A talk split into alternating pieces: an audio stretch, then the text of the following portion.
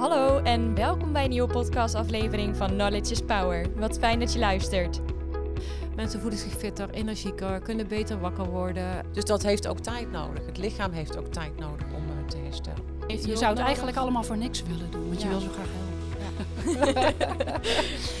dat is mijn doel. Wat past op een hè, zo goed en makkelijk praktische manier ja, weer uh, voor mijn klant. Dat is een fijne afsluiting. Ja. Mis poepoe. Mis poepoe wens je veel plezier op de wc.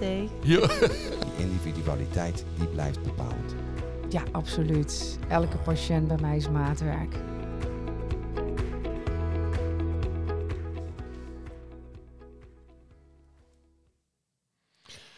Hallo, weer een nieuwe aflevering en vandaag met Eveline van Tol uit Rijswijk van de praktijk de darmtherapeut. En zij is gespecialiseerd in een vaak voorkomend ziektebeeld, de prikkelbare darmsyndroom, of dan PDS genoemd. Hartelijk welkom Evelien. Leuk dat je hier bent en de weg naar het Zeeuwse hebt gevonden. Ja, dankjewel. Was de reis goed? Ja, ging perfect. Ja, dat is fijn. Ja. Dat is fijn. Ja. En jou hebt je specialisme gevonden in het behandelen van mensen met uh, veel buikklacht, met name met het prikkelbare darmsyndroom. Ja, klopt. En uh, ik had die idee dat dat, uh, als je de cijfers mag geloven, dat dat sterk toeneemt of in de laatste jaren heeft toegenomen. Ja. Eerst werden er cijfers gehanteerd van 1 op de 10 mensen dat zij prikkelbaar darmsyndroom hebben. Maar laatst las ik al 1 op de 25. Kijk. Dus dat is echt enorm. Ja. Een, een kwart van de bevolking. Ja, ongelooflijk. met buikklachten te, camp, te kampen hebben, wat hun leven bepaalt. Ja, klopt. Ja. En je bent voor zeven jaar ben je begonnen met je passie? Ja, 2015 heb ik me ingeschreven bij de Kamer van Koophandel. Ja. Ja, en toen is het begonnen.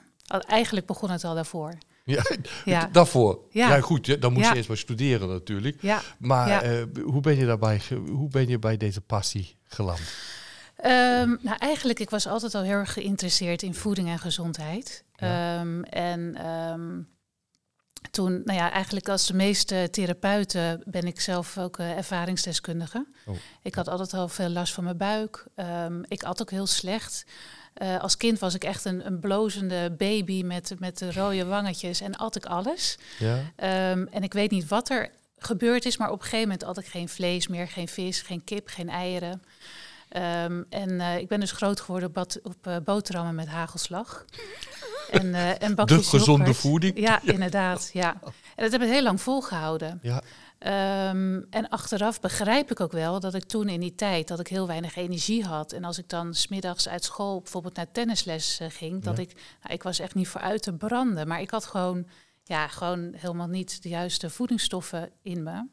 En natuurlijk omdat ik zoveel suiker at. Ja, um, ja natuurlijk enorme bloedsuikerspiegelwisselingen.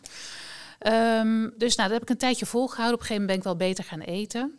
Maar nog steeds heel veel suiker. En uh, op een gegeven moment ben ik gaan werken. Ik ben iemand die hard werkt, die alles heel goed wil doen. Dus ik kwam in mijn eerste burn-out. Um, Hoe oud was je dan geweest? Uh, ik denk dat ik uh, jaar of uh, 30, 31 was. Ja. Um, en ik dacht altijd dat ik heel gezond at. Ik was ook heel erg gefocust op voeding. Mm um, en toen op een gegeven moment kreeg ik mijn tweede burn-out. En toen dacht ik, ja, dit is wel, ben je wel redelijk eigenwijs als je twee keer een burn-out krijgt. Um, ik ben toen bij de huisarts terechtgekomen en de huisarts, ja, die wist het eigenlijk ook niet. En toen zei ik, ja, ik word zo moe als ik, uh, als ik bepaalde dingen eet. Zegt hij, nou ja, ik geloof niet dat dat kan, maar ga maar eens naar een uh, diëtiste. Dus mm -hmm. dat ben ik geweest. Uh, en die zei, ja, dat kan gewoon niet. En zei ik, ja, maar ik voel dus als ik dingen eet, als ik brood eet, dat ik moe word. Dus nou, dat kan niet.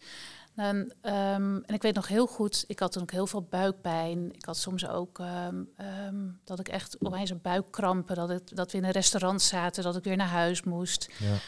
Dat is echt levensbeperkend. Ja. Of levenskwaliteit beperkend. Je bent er continu mee bezig. Ja. En toen liep ik met Albert, mijn man, liep ik uh, in de stad in Den Haag. En toen waren we in een boekenwinkel. En toen zag ik een boekje van Ralf Moorman. Ja. En toen over de hormoonfactor. En toen dacht ik, nou, dit gaat over mij. Ja. Ik was zo blij dat er gewoon toch ja, nog hoop was eigenlijk voor mij.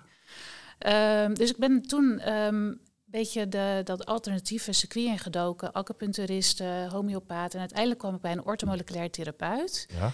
En toen dacht ik echt, wow ja, dit, dit moet ik gaan doen. Want ik, ehm, eh, ik, ja, ik hou van mensen, voeding en gezondheid. En die driehoek, die komt daar allemaal in samen. Ja. En uh, juist die ortomoleculaire therapeut heeft mij, um, werd ook onderzoek trouwens gedaan bij RP. Ja. Um, die heeft ook geconstateerd dat ik een bijnieruitputting had. En nou, zijn we aan de slag gegaan met die darmen. Um, en toen ben ik dus uh, op de rit gekomen. En toen dacht ik, ja, eerst zit ik nog bij de huisarts die zegt misschien moet je maar gedeeltelijk laten afkeuren. En nu zit ik gewoon hier en ik ga gewoon omscholen en ik, ja, ik, ik ga gewoon een heel nieuw leven beginnen. Ja.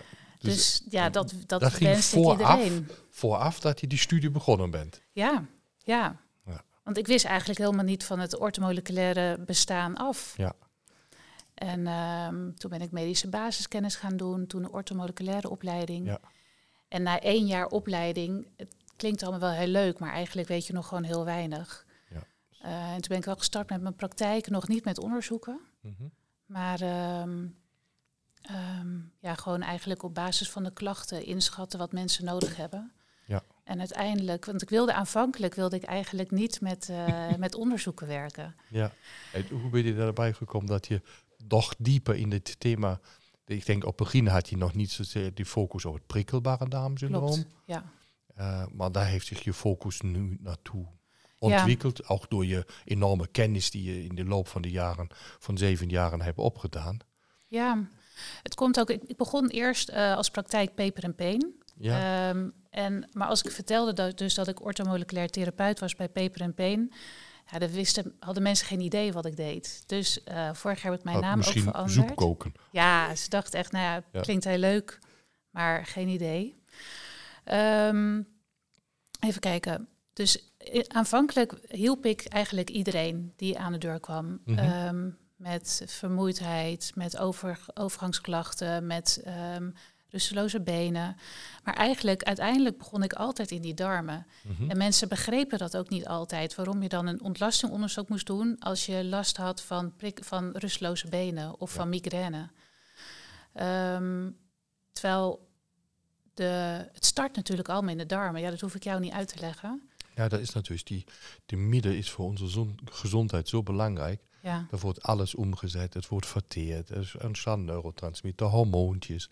Er gebeurt ja. zoveel in de midden van ons lijf. Ja. En daarom is ook de dame een, zeker een, een hoofdtarget in welke behandeling van mensen ook. Ja, klopt. Ja. Uh, dus ik begreep dat wel heel goed. En, um, maar omdat ik toch altijd met dat darmonderzoek werkte, dacht ik, ik wil me meer gaan specialiseren. Ik had uh, inmiddels bij jullie ook de darmopleiding uh, gevolgd. Ja. Um, en ik dacht, ja, het is me gewoon goed om, goed om te specialiseren op één uh, onderwerp, zodat je daar echt specialist in wordt. En dat is je zeker ook gelukt. Je, je helpt nu toch heel veel mensen met een prikkelbare darmsyndroom. En um, die um, komen ja niet voor niets bij jou naar de praktijk. Nee, nee. Uh, je doet veel onderzoek. Ja. En wat was die drijfveer dat je eigenlijk van het pure anamnestische werken, ja. ben je dan gekomen naar ik doe anamnese. Natuurlijk de basis van iedere vorm van geneeskunde eigenlijk is maar luisteren, goed naar die patiënt horen wat hij uh, voor, wat die voor klachten heeft. Misschien nog al een deel antwoorden krijgen. Maar je zegt nee, ik wil meer weten. Ik wil echt in die, nog meer weten om die mensen te begeleiden. Ja. Dat gaat natuurlijk een trigger. Waarom ben je daar beland? Um, nou, omdat ik nog steeds heel erg geïnteresseerd was in voeding, ben ik bij jullie een, uh, een cursus gaan volgen, een dagcursus ja. uh, specifiek over voeding. Ja. En toen kwam ik dus in contact met die onderzoeken, met zo'n uitslag. En in de pauze sprak ik een andere cursist die ook die, uh, die dag volgde. En die zei, eigenlijk als je gaat werken met ontlastingonderzoeken, dan kan je eigenlijk niet meer terug. En ik wilde dat eigenlijk toen niet horen, want toen dacht ik, ja, um, ja op een gegeven moment, je, soms kun je ook blijven leren. Hè? Soms moet je ook gewoon zeggen, nou, ik doe dit. Maar ik had het gehoord en het liet me niet los. Um, want ik had ook wel de overtuiging dat als ik met onderzoeken ging werken, dat ik dan uh, mensen op kosten zou jagen. Want een onderzoek mm -hmm. kost natuurlijk geld. Ja. Um, en ik wilde mensen zo efficiënt mogelijk helpen. Uh, maar toen ik ben toen die opleiding gaan volgen. En toen realiseerde ik mij dat juist door het doen van onderzoeken, uh, dat je de vinger op de zere plek kan leggen. Dus dat je weet wat er aan de hand is en dat je heel gericht aan de slag kunt. En um, zonder zo'n onderzoek is het eigenlijk, um, ja, je weet wel een beetje de richting, maar je weet het niet zeker.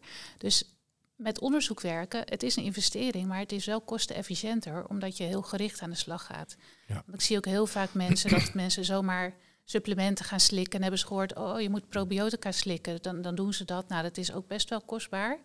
Ja. Uh, maar vaak is dat gewoon maar dure poep. Ja, je weet niet of het bij de patiënt past. Nee. Ja, en of het bij de klachten past en wat is die oorzaak. Ja. Ja. Dus sindsdien doe ik uh, standaard iedereen doe ik een uh, uitgebreide uh, darmonderzoek. ja. En altijd ook de voedingsintolerantie, omdat dat natuurlijk ja, heel dat nauw samenhangt. Ja. ja.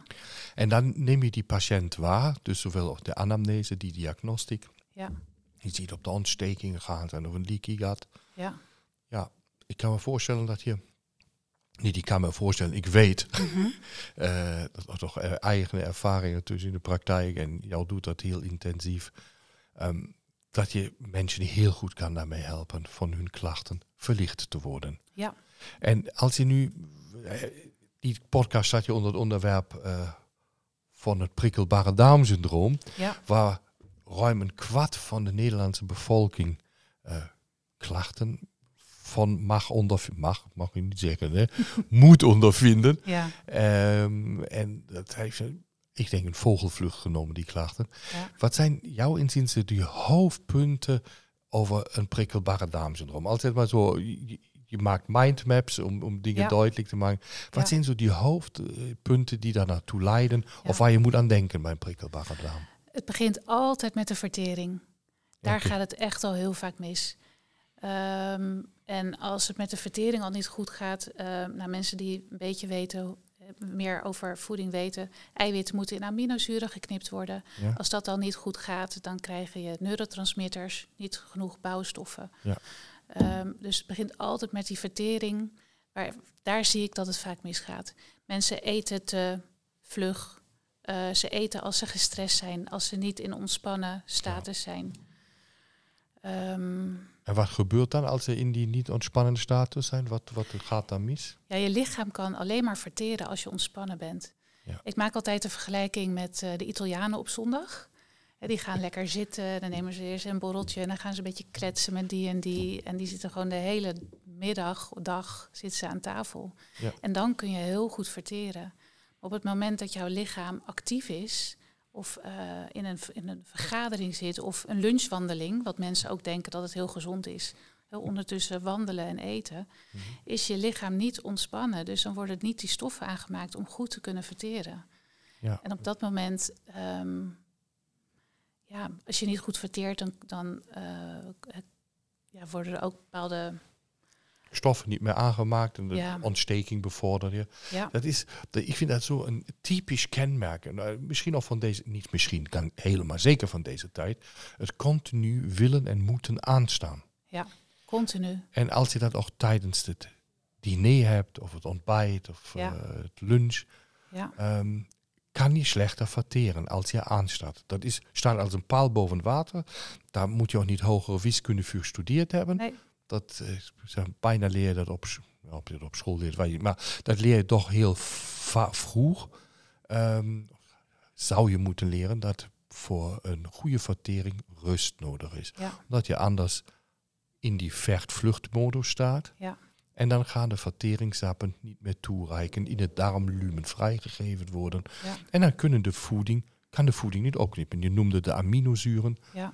Uh, waar mensen een neurotransmitter of ze energetische problemen ondervinden. Ja. Zo kan je het natuurlijk heel breed toepassen op alles wat met vertering te doen heeft. Dus wat je zegt is eigenlijk aan punt 1 staat ja. vertering. Ja. Daar begint het mee. Ja. En dan kan het dus heel vroeg in je leven al beginnen. Ja. Dat kan al op kindsbeinen uh, Ja. kan dit starten. Maar mensen zijn ook heel vaak al gewend om uh, flink wat water te drinken bij de maaltijd. Ja? Uh, maar als je veel water drinkt bij de maaltijd, dan verdun je ook je spijsverteringssappen. Dus dan gaat die spijsvertering wordt ook al lastiger. Dus eigenlijk met hele eenvoudige tips kun je dat stukje al heel goed verbeteren. En mensen eten te snel, ze kauwen amper. Ja. Ze, ze slingen, ze slikken door. Ja. ja, en de vertering begint natuurlijk al in je mond met die vorming van de amylase en alles. Ja. Dus ik vond het nu interessant dat je zei met het water drinken bij de maaltijd. Ja. Hoe beveel je dat je mensen aan? Ik zeg altijd uh, een kwartier voor de maaltijd of een kwartier na de maaltijd, als je wilt drinken. Ja. Oké. Ja. ja, dat is, dat is een goede tip. En dan anders, lekker kauwen, doorspekselen en dan die rust natuurlijk nemen. Ja, goed kauwen tot het echt appelmoesdikte is. Ja. Uh, rustig eten, geen schermpjes, aan tafel, geen moeilijke gesprekken. Hm. En als je het heel druk hebt en je moet weer naar een volgende vergadering, dan kun je beter niet eten dan wel eten. Oh, oké. Ja. en ook niet als je in de auto zit, gestrest, toeteren. Ook niet ondertussen je boterham wegwerken. Ja, gewoon dan maar niet. Ja, hoe vaak zie je dat? Hè? Dat is, komt natuurlijk heel vaak voor. Ja. Nou, als we nu, je zegt vooraan bij een prikkelbare darmsyndroom staat, het start met een slechte vertering. Klopt. Zo, en wat, wat zie je, heb je nog voor waarnemingen? Ehm, bijna, nee, eigenlijk altijd zijn er te weinig goede darmbacteriën aanwezig, dus de residente flora. Ja. Uh, dat kan natuurlijk verschillende redenen hebben, maar um, over het algemeen zie ik dat mensen veel te eenzijdig eten. Mm nou, wat ik ook altijd een voorbeeld noem in, een, in de praktijk is als je in een dierentuin alleen maar bananen voert, hou je alleen maar de apen over. en zo werkt het ook in je buik. Als je alleen maar, als je hetzelfde eet, ja. dan, dan zijn er maar een aantal bacteriën die daarvan uh, van smullen. Ja. En het is juist de kunst om zo breed mogelijk spectrum aan bacteriën, goede darmbacteriën in je Die buik diversiteit neemt dan af. af. Ja. Dus als je, alleen als je eenzijdig knaagt, krijg je ook een weinig divers darmbioom. Klopt. Waardoor je ziektes weer in de hand speelt en een ontstekingsproces in de hand speelt. Ja, ja. ja. ja. want hoe minder goed bevolkt die goede darmbacteriën zijn, hoe meer ruimte er is voor parasieten, voor, voor bacteriën, voor schimmels. Die niet wenselijk zijn. Ja. Ja. ja. En dus dan heb je één keer de vertering, een punt twee, nou, een dysbiose, of dus een minder divers en niet optimaal samengesteld darmbioom. Ja. Absoluut. En wat zie je nog aan punten die um? Bijna, er is bijna altijd een ziekteverwekker, of een schimmel, of een gist, of een parasiet. Um, en um, in de reguliere geneeskunde, huisartsen kunnen wel zeggen, nou, een parasiet kun je gewoon laten zitten. Mm -hmm. Maar ik zie in de praktijk hoeveel klachten die kunnen geven. Dus ook, ja. ook die vaak bediscuteerde en ja, bediscuteerde blastocystisch hominis, die ja. wij zeggen, nou dat is, komt vaak voor, dat is zo. Ja. Maar afhankelijk van de toestand van de darmslijmvliesimmuniteit en de totale toestand van die darmbiota, kan die heus wel klachten veroorzaken. Ja, zeker. Dus dat is weer die, het totaalbeeld is dan leidend. Ja, ja. ja. ja. Dus, dat, dus dat zie je dan vaak. En ook uh, ja, dan toch ook wel ontsteking in de darmen. Ja. Welke zie je bepaalde makers, ontstekingsmaker, eerder verhoogd dan andere? Um, ja, dat is toch wel wisselend. De laatste tijd zie ik heel veel alpha-1-antitrypsine omhoog. Ja, oké. En ik weet niet of dat met corona te maken heeft. Waarschijnlijk, dat zou kunnen. Dat, dat, dat weet een ik. virus is of... Ja, dat weet ik ook niet. Maar het alpha-1-antitrypsine, dat vind ik zo interessant dat je dat zegt. Is natuurlijk een leaky gut maker, net, zo Ja. goed, net zoals zonuline. Ja. Maar eh, beide geven het op een andere oppervlakte aan, oppervlakte, op een ander stuk eh, in, in je opbouw van je darmen. Dus het alpha en antitrypsine geeft dan als het darmslijmvlies degenereert of erodeert. En het zonuline geeft het aan als de tight junctions kapot gaan. Maar beides is een leaky gut. Ja. En eh, is dramatisch voor de darmgezondheid. ja, zeker. Het is dramatisch voor de hormonen, voor de neurotransmitters, dus voor het welbevinden. Ja. Ehm, daarom, het gaat niet. Ik hoorde laatst in een gesprek. Ja, maar die sonoline, dat is toch erger als die verhoogd dan die alpha-1 antitrypsine? Nee, helemaal niet. Dat is absoluut niet erger. Beides is Ja. erg. Ja. Beides is niet goed. Ja. Ehm, maar wees je bewust, het is een leaky gut. En ehm, lekkende darmsyndroom wordt gezegd. Of netjes gezegd, hyperpermeabele darm. En ehm, bij die alpha-1 antitrypsine vind, zouden we wel nog moeten aan de lever denken. Ja. Dat is een stof die in de lever geproduceerd wordt. Ja. En alleen dan binnen die darm binnen druppelt en dan eh, kan het verhoogd meten. Dus daar is ook binnen het lijf een ontsteking gaande. Ja.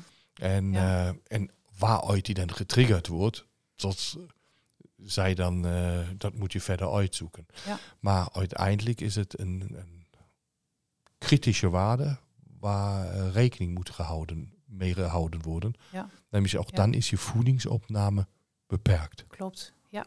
Ja. Ja. Oh, nu heb ik te veel over die waarde verteld. hè. ja. En daarnaast, ik doe ook altijd de voedingsintolerantietest. ja, dat past bij een alfa en heel goed. Dus bijna, bijna verplicht dit te doen. Ja. Ja. Eh, ik doe ook altijd standaard de uitgebreide van 31 stuks. ja. Ehm, en ja, je ziet gewoon heel vaak dat daar ei komt daar bijvoorbeeld heel vaak Oh, ja, uit. Ehm, maar ook wel bepaalde noten, amandelen, wel veel. Mhm. Dus dat is ook een hele belangrijke marker. Want als je blijft, eh, voeding blijft eten waar je intolerant voor bent, dan verzwakken je darmen weer. Mhm. En verzakken je darmen, dan ben je weer sneller intolerant. Dus dat is echt een visueuze cirkel. Ja. En ook als je dat dus niet weet. Ik had bijvoorbeeld een klant, José. Die had, nou volgens mij had ze al 30 jaar diarree en buikpijn. 30 jaar. Ja, echt. Ehm, en ze had ook, eh, eh, ze had, was heel onrustig. Ehm, ze had eh, veel onrust in haar lijf, ook s'nachts veel onrust. En met haar ben ik begonnen dus ook met die voedingsintolerantietest. En zij was extreem intolerant voor de koezuivel, geit en schaap. En we hebben dat eruit gehaald. En ze zei nog, ik wist niet dat ik zo vaak die producten at, eigenlijk de hele dag door. En ze heeft het eruit gehaald en de diarree en de buikpijn was gewoon over. Ze sliep s'nachts weer, ze, de onrust was weg. Waanzin. Ja, dat vond ik echt, nou, dat vond ik zo waanzinnig. Want als ze dat niet hadden gedaan en we waren puur alleen maar met die darm aan de slag gegaan, Ja. dan, dan je bereikt het resultaat niet. Dus je moet het echt allemaal in het geheel zien. Ja, Dus het totaalbeeld moet je oppakken. ja. En niet focussen op één of twee interventies. nee, nee, nee. Nee, en ook als je het over totaal hebt, je moet ook kijken wat voor persoon heb je nou voor je. Is het iemand die heel erg gaat focussen op details? Mhm. Of, ehm, ehm, want ik, ik denk ook dat het. ehm, kijk, voeding is natuurlijk wel heel erg belangrijk. Maar kijk, de basis moet gewoon goed zijn. Maar je moet daar niet in doorschieten. Dat je nooit meer een wijntje drinkt. Dat je nooit meer een taartje eet. Want zo is het leven ook niet. Ja. Je moet ook een beetje ontspannen ermee om kunnen gaan. Ja. En ehm, ja, tuurlijk, ik ga niemand adviseren om heel veel te snoepen. De basis moet goed zijn, maar niet heel rigide. Ja. En dat is ook iets wel wat ik de mensen mee wil geven. Het gaat om de, de grote lijn moet op een gegeven moment kloppen. Je darmen moeten ehm, in balans komen. Je moet e- de voeding eten die bij je past. Je moet ook eh, bewegen en ontspanning is natuurlijk heel belangrijk. Mhm. En dat geheel maakt dat je vooruit kunt verder met je gezondheid. Hoe heette nog net je, je patiënten met die op die... José, José. ja. Nou, die is al blij geweest hè, dat je na 30 jaar klachten, ja, dat, zij, dat zij nu verlost was van de klachten. ja. Maar wat, neemt, wat, maakt het men, wat maakt het met die mensen als ze zo lang klachten hebben? Ja, dat ze zo lang wachten om te komen. Ehm, ja, er is gewoon heel veel schaamte. Ehm, kijk, als je, ik heb mensen die of helemaal niet naar het toilet kunnen, of naar het toilet moeten hollen en het soms ook niet op tijd halen, of een combinatie daarvan. Ik heb nu iemand in mijn praktijk. ehm, hij zei: Ik ga altijd drie keer in de week sporten. Ja? En dan ga ik eten om twee uur van tevoren. Ehm, dan kleed ik me om en dan ga ik op het toilet zitten, ruim een uur. En als het dan. Een uur. Ja. En als, het dan, als ik het kwijt ben, kan ik naar de sportschool. En als ik het nog niet kwijt ben, ja, dan, dan ga ik dus niet. En soms rijd ik naar de sportschool. En dan alsnog denk ik, nee, het gaat toch niet. En dan ga ik naar huis. Dus mensen, ehm, ze, ze verleggen elke keer hun grenzen. En ze denken ook dat het gewoon is. Of dat het hun eigen schuld is. Of ja. En dat vind ik wel jammer, dat ze zo lang wachten tot ze echt komen. Want elke signaal van je lichaam, elke, elke klacht is een signaal van je lichaam dat er Ja, iets aan de hand is. En ik kreeg van de week zijn uitslag binnen. Toen dacht ik, oh, wat moet je je beroerd voelen. Echt histamine, parasiet, een bacterie, pH, ontstekingen, echt, echt full house. Die heeft Ehm. echt prijs als je naar die onderzoek kijkt. Ja, Maar andersom ook geluk dat hij bij jou mocht komen. ja. Dat je uitgebreid gekeken hebt. Ja, ja want hij, ehm, hij wist niet zo goed wat hij verder moest doen. En hij wist ook, totdat hij mij ontmoette, wist hij ook niet dat dit allemaal mogelijk was. Uh, en dat is ook wat je, als je een onderzoek kan laten zien, alleen al het feit dat mensen zien dat er iets aan de hand is, dat er iets gevonden is, Mhm. dat geeft ze al zoveel opluchting. Ja. En dat ze denken, oh ja, weet je, ik ben niet gek. Het ligt niet aan mij. Ja, Het ligt aan, in, aan mijn darmen. ja, En kijk, nu, dat is weer zo'n voorbeeld van een, een dramatische persoon ja, eh, die het hele leven baseert op die basis van toiletbezoeken. ja, zeker. Ja, Laten we, laten we die pijn daarvan eh, nog maar bijzijden. Dat is Ja. al aan en voor zich een, een Ja. uitdaging. Maar hoe zit die dan energetisch? Heeft hij genoeg power of is hij eerder aan de slag? nee, nee. Hij is, hij is heel erg aan het verzwakken. Dat zie ik ook vaak dat mensen eigenlijk gewoon ondervoed zijn die in mijn praktijk komen. Want op het moment dat jij dingen eet en je, bent, je voelt je heel erg opgeblazen, denk je, oh, dat moet ik niet meer eten. Dat is heel logisch. Ja, Ehm, dus mensen gaan steeds minder eten. Ze laten al het vlees staan, ze laten vis staan. Mensen gaan zelfs veganistisch eten. Mhm. En veganistisch eten is natuurlijk eh, voor de planeet en alles echt heel goed. Maar je moet wel heel goed weten wat je doet. Want ehm, als je niet genoeg eiwitten binnenkrijgt, ja, dan, nou ja, dan die heb je nodig. heel hard nodig. En die persoon die ik net eh, eh, als voorbeeld noemde, die zei ook: Ja, mijn haar wordt ook minder. En ik heb geen energie meer. En zijn nagels. En dus je, ja, je vervalt gewoon van het een in het ander. Maar die ondervoeding, dat is echt wel. ehm, Kijk, als je darmen natuurlijk ook niet goed werken, dan eh, neem je vitamine, mineralen ook niet goed op. Juist. Dus op een gegeven moment raakt je lijf ook uitgeput en raken mensen moe en ook niet meer zo blij. Ja. Ja, die ondervoeding. Kijk, dat is misschien. Ik denk dat dat een hele punt is bij een prikkelbare darmsyndroom. Ja, Dat mensen zich alleen nog beperkt voeden, omdat ze van alles ander heel veel last krijgen. ja, ja. Eh, ze kennen nog niet de oorzaak van hun gezondheidsproblemen. ja. En eh, daardoor komt een ondervoeding met mineraalstoffen, vitamine, maar ook van de eh, macro-elementen, Ja. zoals de, de, de eiwitten Ja. die we nodig hebben. Je- noemde op het begin van deze opname nu ja. dat die neurotransmitters onderdoor gaan. En ik vind dat speelt juist weer een prikkelbare darmsyndroom zo dramatisch in de hand, omdat je dan bijvoorbeeld de, aanmaak van dopamine, van serotonine, dat zijn natuurlijk aminozuren die we ook hiervoor nodig hebben, plus cofactoren. ja, En wat zie je bij prikkelbare darmsyndroom mensen? Een duidelijke afname van de serotonine hoeveelheid. Dat zien wij dan in Ja. het laboratorium zien we dat dan in urineonderzoeken ja, dat ze laag scoren op serotonine. Eh, en of ook op dopamine. Die wordt ook voor een relevant deel in, in de darmen aangemaakt.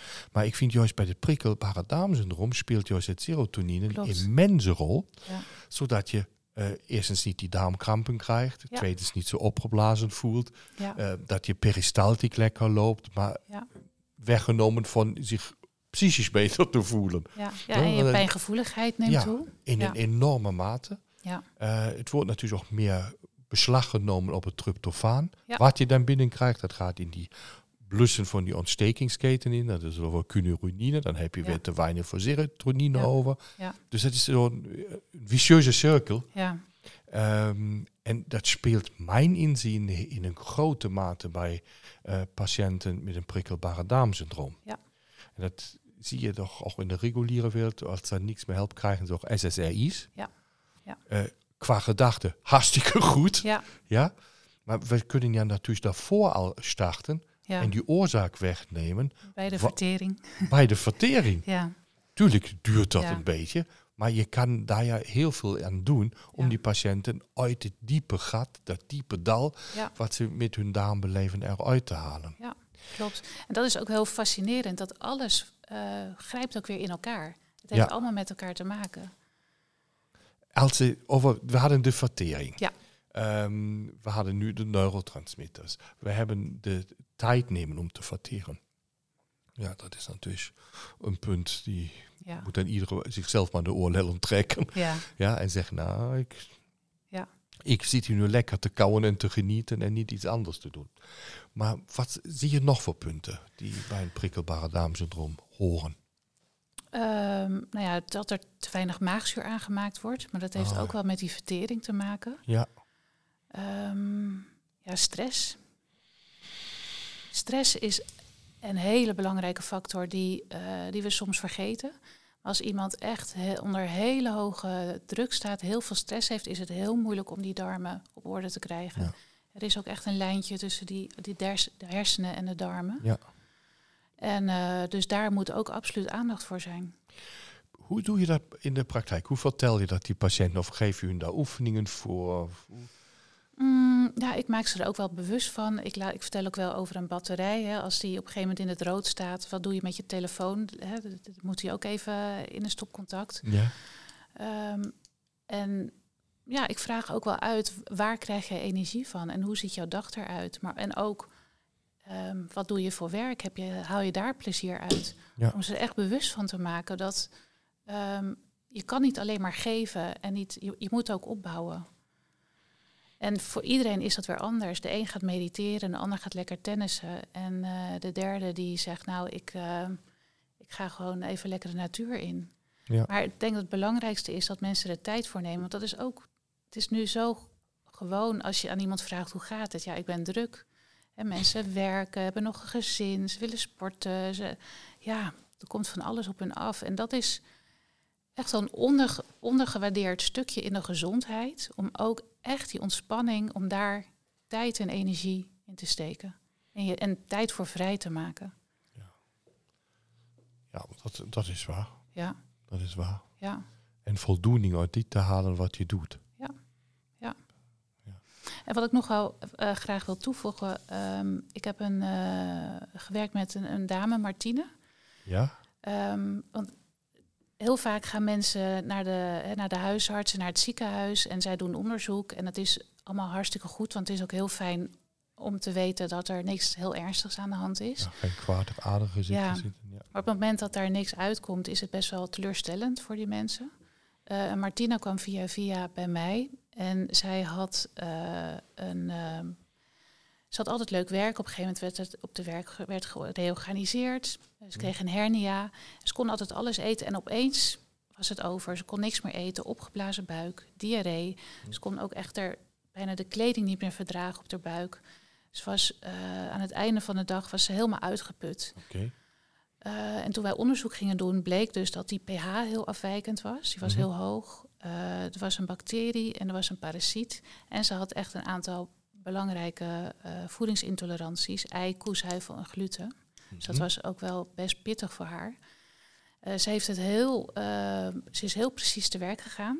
Want dat is natuurlijk ook, ik zeg ook altijd, it takes a two, two to tango. Ja. Ik kan dingen aandragen, maar mensen moeten het ook oppakken en het ja, gemotiveerd zijn om het te doen. Ja. Zij heeft het heel goed opgepakt en ik heb haar helemaal op de rit. En het is ja. En uh, soms denk ik ook, ik weet niet weer wie, wie meer blij is, ik of de, of de cliënt. Maar dan zie ik zo'n verandering en ik zie haar nog binnenkomen en ik zie nu hoe het met haar gaat. En dan krijg ik fotootjes weer van haar van de vakantie, ja. hoe ze leuke dingen doet. En dan denk ik, ja, het leven kan zo mooi zijn als die darmen maar werken. Als dat maar goed is. Hoe, hoe, lang, hoe was de naam van die dame? Martine. Martine. Ja. Dus hoe lang heeft Martine met die klachten gekampt voordien ze bij jou is gekomen? Een paar jaar. Niet zo lang als José. Ja, 30 jaar. jaar. is natuurlijk dat, ja, ja, heel lang. Ja. ja. Maar ook, het was echt geen pieper, maar dan was ze op vakantie in Frankrijk en dan ging ze ook daar nog naar de huisarts, omdat ze zo'n last had. En dan kreeg ze vaak maagzuurremmers. Oh jee. Um, dus ja, dat is natuurlijk het mooie van die hele ortomoleculaire aanpak. Um, kijken wat is de oorzaak, dat onderzoeken en dat aanpakken. En niet zomaar. Kijk, maagzuurremmers kunnen soms ook natuurlijk wel goed zijn, maar je moet weten wat het probleem is en dan kan je het oplossen. En bij haar was het dus het probleem, zat gewoon in die intoleranties en in die darmen. Ja. ja. Had, had zij ook verhoogde ontstekingswaarden of weet je dat nog? Um, dat weet ik niet meer. Dat weet ik niet meer. Nee. Wat, wat ik zie, um, of, ja, wat we vaker zien, is verandering ook in het beta-defensien. Dus de, als iemand langere tijd al in deze prikkelbare ja. darmsyndroom zit, ja. dat er veel te weinig beta-defensine aangemaakt wordt. Ja. Dus uh, het moet natuurlijk ons kunnen helpen te vechten tegen binnen dringers. Ja. Dan zie ik al heel vaak zelfs uitgeput. Ja. Dat het niet meer genoeg aangemaakt wordt. Ja. En dan sta je zo'n beetje open en bloot daar. Ik ben dan altijd blij als hij nog verhoogt. Dus dan zeggen ze, hé, hé, we hebben nog een, nog een Nog steun. iets. We hebben nog iets waar we wat mee kunnen doen. Maar dat zie ik heel vaak. En, eh, en daaruit dan ook eh, ontstaan de toenemende ontstekingsneiging.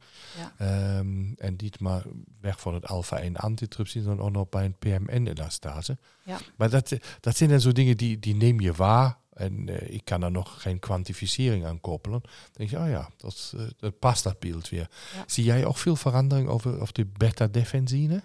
Eh, ja, ik zie vaak dat hij helemaal uitgeput is. Zie je, dan Ja. ben ik dan niet de enige die dat Ja. ziet. Ja, klopt. Dus eh, ja, voor, die, voor de luisteraars, beta-defensine hebben we nodig van de aangeboren afweer. Dus daar hebben we niks voor gedaan. Dat hebben we mama en papa Ja. en de evolutie te, denken, te danken. Dus dat is om ons tegen eh, niet-wenselijke bacteriën, eh, gisten, schimmels en parasieten te beschermen. En dat is zo direct aan de eerste vechtpartij om ons te ontzien van de boosdoeners. En als die uitgeput is, heb je deze kracht niet meer. Nee. En daarmee worden alle andere afweerreacties en afweermogelijkheden worden natuurlijk sterker gevraagd. Ja. En als het dan nog op een eh, slechte vertering in de maag treft, waar dan ook de maagzuur... Kijk, als hij de Ja. hoge pH-waarde heeft, Ja. heb je in de re- regel ook een niet zo hoge maagzuurgehalte. Ja. En dan ga je ook na slecht verteren van eiwitten ook nog eens eh, slecht eh, pathogenen reduceren. Hè? Dat is een soort desinfectiewerking. Dan, dan heb je het dubbel op slecht voor die patiënt. Dus wat, hoe pak jij dat aan met die patiënten om die vertering te verbeteren? Maar weggelaten, neem rust bij het eten en zo, en kauwen. Hoe doe je Ehm, dat? ja, maagzuur toevoegen, dus de gast HCL. Ja, oké. En, eh, en de Angelica zet ik er soms bij. Oké. Ja. Ja. Ja, Ja. Dat, is, dat is een goeie. Ja. Dat, ze die, die En, en dat mensen meer groenten moeten eten. Oh, je, vertel. Dat is goed. Ja, ehm, dat, eh, kijk, meer groente maakt alles gewoon wat, wat basischer. En dat is gewoon heel goed om die pH verder ehm, te beïnvloeden. Ja, dat is waar. Dat, wel, die, die, eh, die groenten die steunen eigenlijk weer, weer bacteriën die ook vermeerd zuren aanmaken. Ja. Dus wat meer korte keten vetzuren geproduceerd wordt. Ja. Ja. Dus die laat ze echt mee. Kijk, dat is nu zo'n punt. Hoe leg je nu een patiënt uit wat is genoeg groenten eten? Ja, ja. Ik, ehm, ik kijk altijd wat ze nu eten. Ja? En eh, alles wat ze extra eten is al plus. Dus ik heb dan een, eh, een lijstje krijgen ze mee met eh, tien tips hoe ze meer groenten kunnen eten. Ik ben heel voorstander van soep. Lekker. Ja, ik ben een soepenmens. Eh, Oh, dus kijk wat er op de markt is aan groenten of in de aanbieding bij de Albert Heijn. Ja.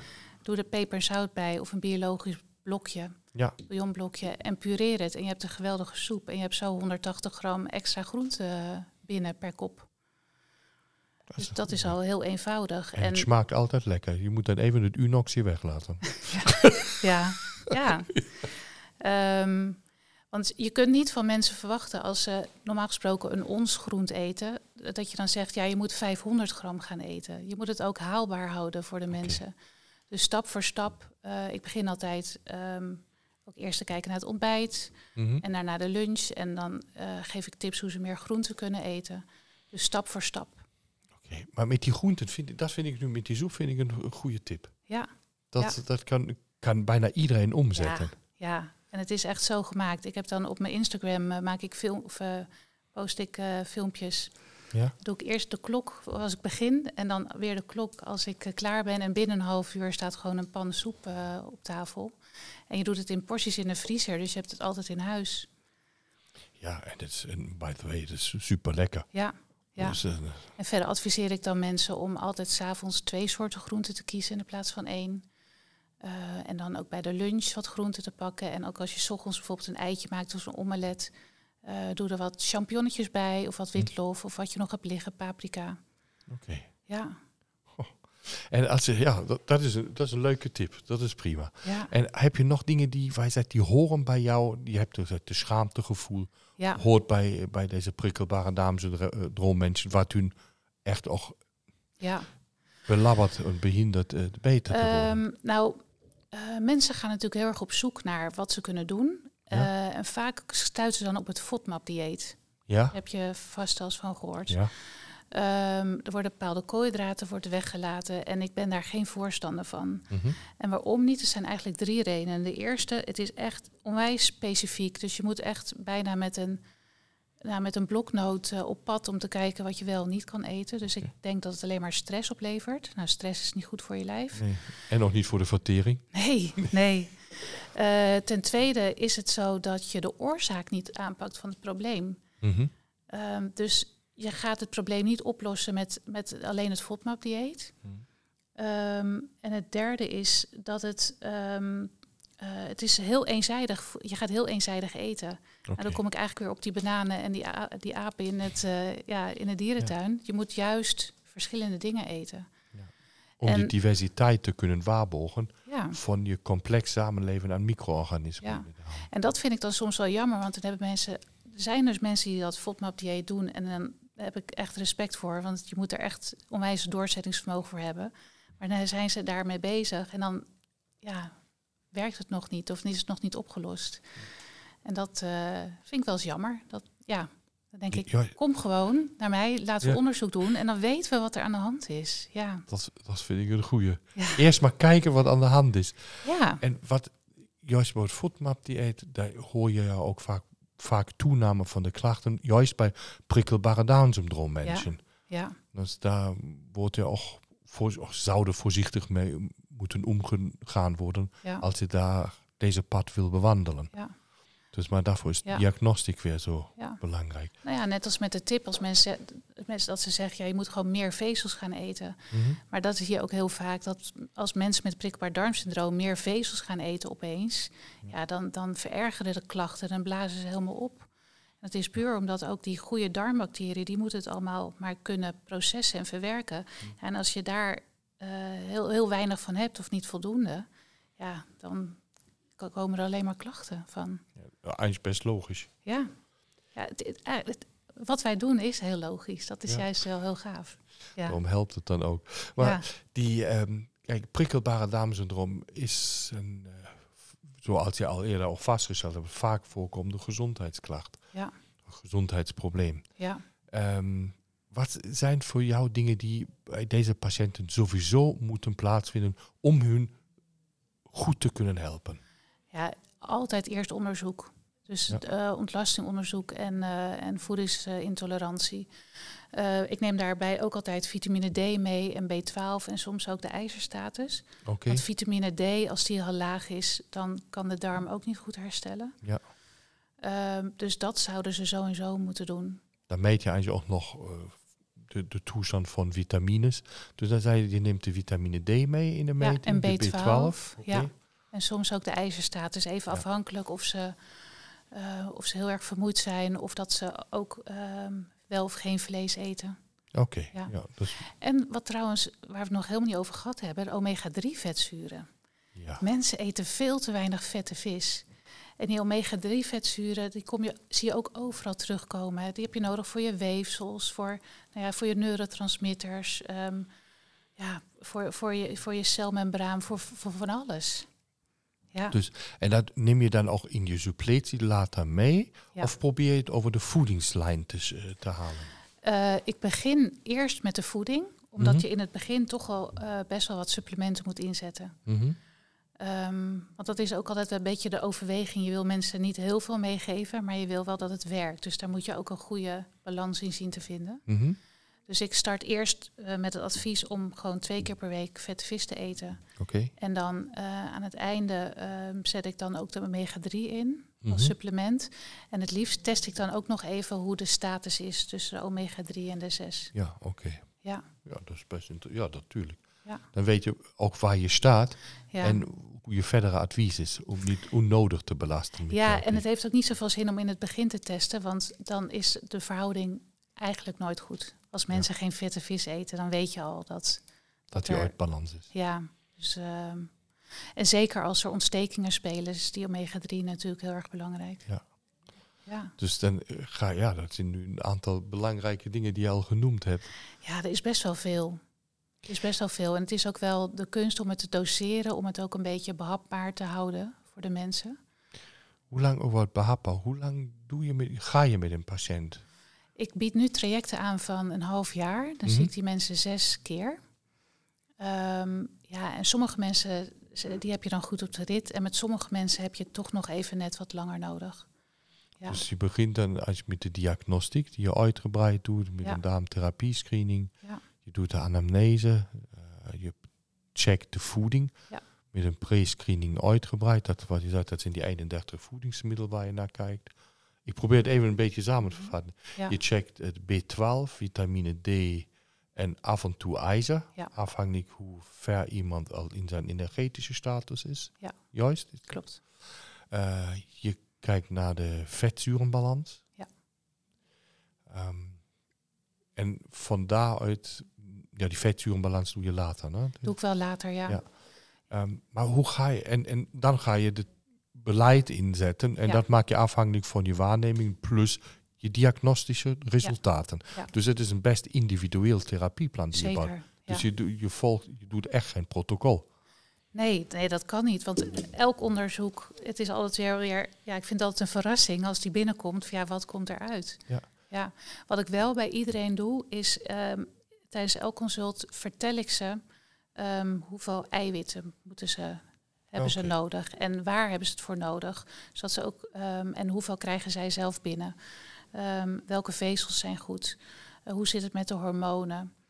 Ehm, wat is ontstekingsremmende voeding? Dus ik neem ze wel elke keer mee in een bepaald thema, Mhm. zodat ze het ook goed kunnen implementeren en ook gemotiveerd blijven om eh, het pad te volgen naar herstel.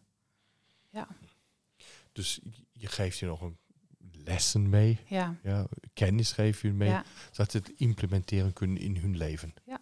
Ja, om te begrijpen waarom ze wat doen. Ja. Ik zeg altijd, ze moeten eh, specialist worden over hun eigen gezondheid. En dat wil ik ze meegeven, dat ze ja, aan het einde van het traject echt een goede basis hebben Mhm. waar ze zelf mee verder kunnen. Ja, dat, is, eh, dat is een fijne aanpak. ja, ja, ja. En- Ik wil nog maar terug naar die, echt naar die patiënt die daar zit. Nog even terug naar die patiënt die daar zit. Dus je, je zei, die hebben een schaamtegevoel. Wat zie je? En je zei dat ze heel moe zijn. Dat ze, Ja. Wat zie je nog vaak nog bij deze mensen? Dat, ehm, dat zij klachten gewoon zijn gaan vinden. Oké. Dus soms zeggen mensen, oh, ik heb geen hoofdpijn meer. En dan zeg ik, oh, maar dat heb ik helemaal niet genoteerd. Zeggen ze, ja, maar dat heb ik altijd. Ja. Ehm, dus ja, dat mensen hun grenzen heel erg verleggen, dat zie ik. Ehm, Zeker als je, als je een, een cliënt die 30 jaar lang Ja, met klachten rondliep. en ik weet niet of ik hem al genoemd heb, maar dat mensen denken dus dat ze heel gezond eten. Wij zijn natuurlijk ook opgevoed eh, met eh, dat, tenminste, 20 jaar geleden, dat eh, vetvrij eten heel gezond was. Dus Ja, zo min mogelijk vet. Ehm, en ehm, heel veel fruit, veel tussendoortjes. Ja, dat zijn allemaal eh, overtuigingen die er nog best wel in zitten. Terwijl nu, nu weten we, ja, eh, ehm, nu weten we dat het juist heel goed is om vet te eten en de goede vetten, dat je dat nodig hebt. Eh, en dat het verstandiger is om niet de hele dag door te eten, omdat dan de, elke keer dat hele spijsverteringskanaal in je maag moet weer opstarten. Dus het is beter gewoon drie maaltijden. Ja. Ehm, dus de, ja, de beleving van dat ze denken dat ze heel gezond eten, ehm, dat dat toch soms wel wat anders ligt. Ja, Ja. dat is gezond. Ja. Je, je vertelde net dat mindere maaltijden beter zijn dan Ja, minder frequent eten dan te veel. Dat ligt natuurlijk ook in de fysiologie van ons maag-darmkanaal. We kunnen alleen ik dacht 2,5, 3 uur, ja, om 2,5 uur denk ik, nadat we de maaltijd hadden, gaat de laatste schoonmaakspoeling de darm Ja. doorheen. ja. Dan hoor je dat geglokken, weet je, Ja. begint die, dan denkt iedereen, oh, ik heb honger, ik moet iets eten. Ja, dus, maar dat eh, is een motorreactie, een motorreactie. Dat is eigenlijk, daar gaat nog maar de spoelgang doorheen om de laatste voedingsrestanten, bacteriële restanten, door die darm door te spoelen. Dat komt ook vaker voor bij de zogenaamde SIBO, Small Intestinal, also de dunne darmovervoeringssyndroom, zie je dat ook vaker. Ja. En ehm, dat is trouwens binnenkort hebben we daar ook een, een, een webinar over. Ehm, dat we die mens, die mens zichzelf niet meer de tijd geeft ja. om die darm vanzelf, wat we van nature hebben meegekregen, zelf schoon te laten spoelen. ja. Nou, dan wordt een signaal van het lichaam, dat geklokken, Uh, dit wordt al genomen, u, u moet iets gaan eten. Ja. Nee, je moet er niks gaan eten. Ja. Dus zodra je iets eet en als het een klein tussendoortje is, Ja. stop deze proces. Ja. Dat, moeten we, dat moet die mensen vertellen. Van te zeggen, nee, als dat gebeurt, laat het maar toe. Dan wordt je even nog maar schoongemaakt. Ja. Wel een leuk voorbeeld. Ik had gisteren eh, een persoon in de, in de praktijk en die zei... ehm, ik moet eigenlijk eten en daarna moet het klaar zijn. Want die had een avond gehad met zo'n eh, walking dinner, een hele avondvullend programma. Ja? Hij zegt, ja, op een gegeven moment dan ben ik zo lang aan het eten... dat ik kan dat helemaal niet meer verwerken. En dat is natuurlijk ook heel logisch. Op een gegeven moment is ook, nou, daar had ook een hele hoge pH... is je maagzuur ook gewoon op. Je hebt gewoon niet meer de middelen om, het, om er iets mee te doen. ja? Je krijgt een vulling binnen die, Ja. die alleen nog een last is. En Ja. niet meer kan verteerd en omgezet worden.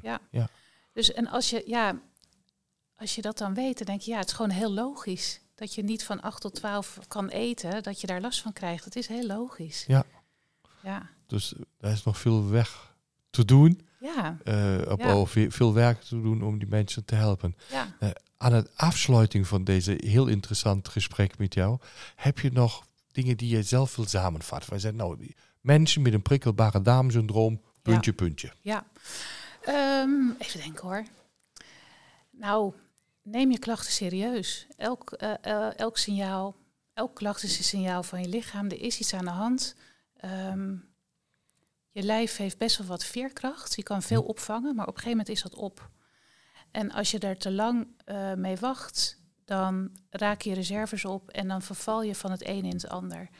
Dus neem je klachten serieus. Dat is echt wat ik de mensen zou willen meegeven. Dus leer daar niet mee te leven, Ja, zonder ga opstaan en ga hulp zoeken. zeker. Ja. Oké. Ja, dat wens ik iedereen. Ehm, want zeker ook op een gegeven moment als je zoveel klachten hebt en je beperkt je in je sociale activiteiten, je gaat niet meer uit, eh, je wil niet meer op vakantie, eh, je weet niet meer wat je wil eten, je bent continu bezig ook in je hoofd van wat kan ik wel niet eten, het levert zoveel stress op. Dus ja, pak het gewoon goed aan. Ja. Ja. En ik help mensen heel graag, dus ze zijn van harte welkom. Uit het hele land. Want tegenwoordig, dat is het voordeel van corona. Hè, we zijn erachter dat je via Zoom ook heel goed Ja. eh, contact kan maken met mensen. Heel goed. Ja. Dus ik heb ook nu ook iemand uit Duitsland die ik help. Uit Almere, uit nou, alle hoeken van Nederland. Van, het, van het land. ja, ja, Ja, weet je wat het is? Je bent zeer serieus met je vak bezig. ja, En door ook je eigen ervaring weet je hoe het voelt als het niet goed voelt. klopt. Dus en eh, we moeten ons natuurlijk ook in patiënten kunnen inleven en dan begeleiden. Ja. Maar ik vond je afsluitende zin, en daarmee denk ik, zouden we moeten stoppen. Ja, Dat eh, was, neem je klachten serieus. Ja. Ja. En doe daar en nog een eh, tip voor therapeuten, laatste Ja. tip. Ehm, oh, je mag nog een paar tips doen. Dus, eh, Wat ik heel erg geleerd heb moeten leren, is dat je het, het ritme van je lijf moet respecteren. Dus het, de, ehm, ehm, het lichaam geeft het tempo aan van herstel. Dus als je met eh, supplementen aan de slag gaat, ehm, je lichaam, nou, wat, eigenlijk wat ik zeg, het lichaam die geeft gewoon het tempo aan hoe, Ja. hoe snel je kunt gaan. En dat moet je respecteren, dat kun je niet afdwingen. daar is Snap ook je wat ik bedoel? Ja, ik snap heel goed. Ja. wat u- ja, als je met mensen, eh, als je hun mag helpen, Ja, hoor je natuurlijk in die gesprekken en de consultant zeggen, oh, dat ging niet goed, dat ging... Ja, dan neem je tempo terug. ja, Dus je Ja. past het tempo aan, of dit tempo wat die mens die je in begeleiding hebt, Ja. kan hanteren. ja. Alleen dan, alleen dan kan je succesvol zijn. Dus neem de klachten serieus, zoek dan ook de hulp Ja. bij mensen die in specialiseerd zijn. Ja. En eh, ga je niet blind staan op één of twee dingen. Nee. En doe een goede anamnese en diagnostiek, dat had je gezegd. Ja. Respecteer het tempo van die patiënt. Zeker. En, eh, ja, en sta op, mensen die met klachten hebben, sta op en doe daar iets mee. Ja. En leer niet daarmee te leven. Ja. Want er is mogelijkheid om het duidelijk te verbeteren. Zeker. Ik hoop, de essentie hebben we nu nog maar samen Ja, mooie samenvatting. Ja. Dan wil ik mij bedanken voor, deze heel in- voor dit heel interessante gesprek. En eh, luisteraars, eh, onder die podcast vinden jullie de socials, waar jullie Evelien, de daamtherapeut in Rijswijk, kunnen bereiken. Ja. En eh, om haar hulp aan te vragen.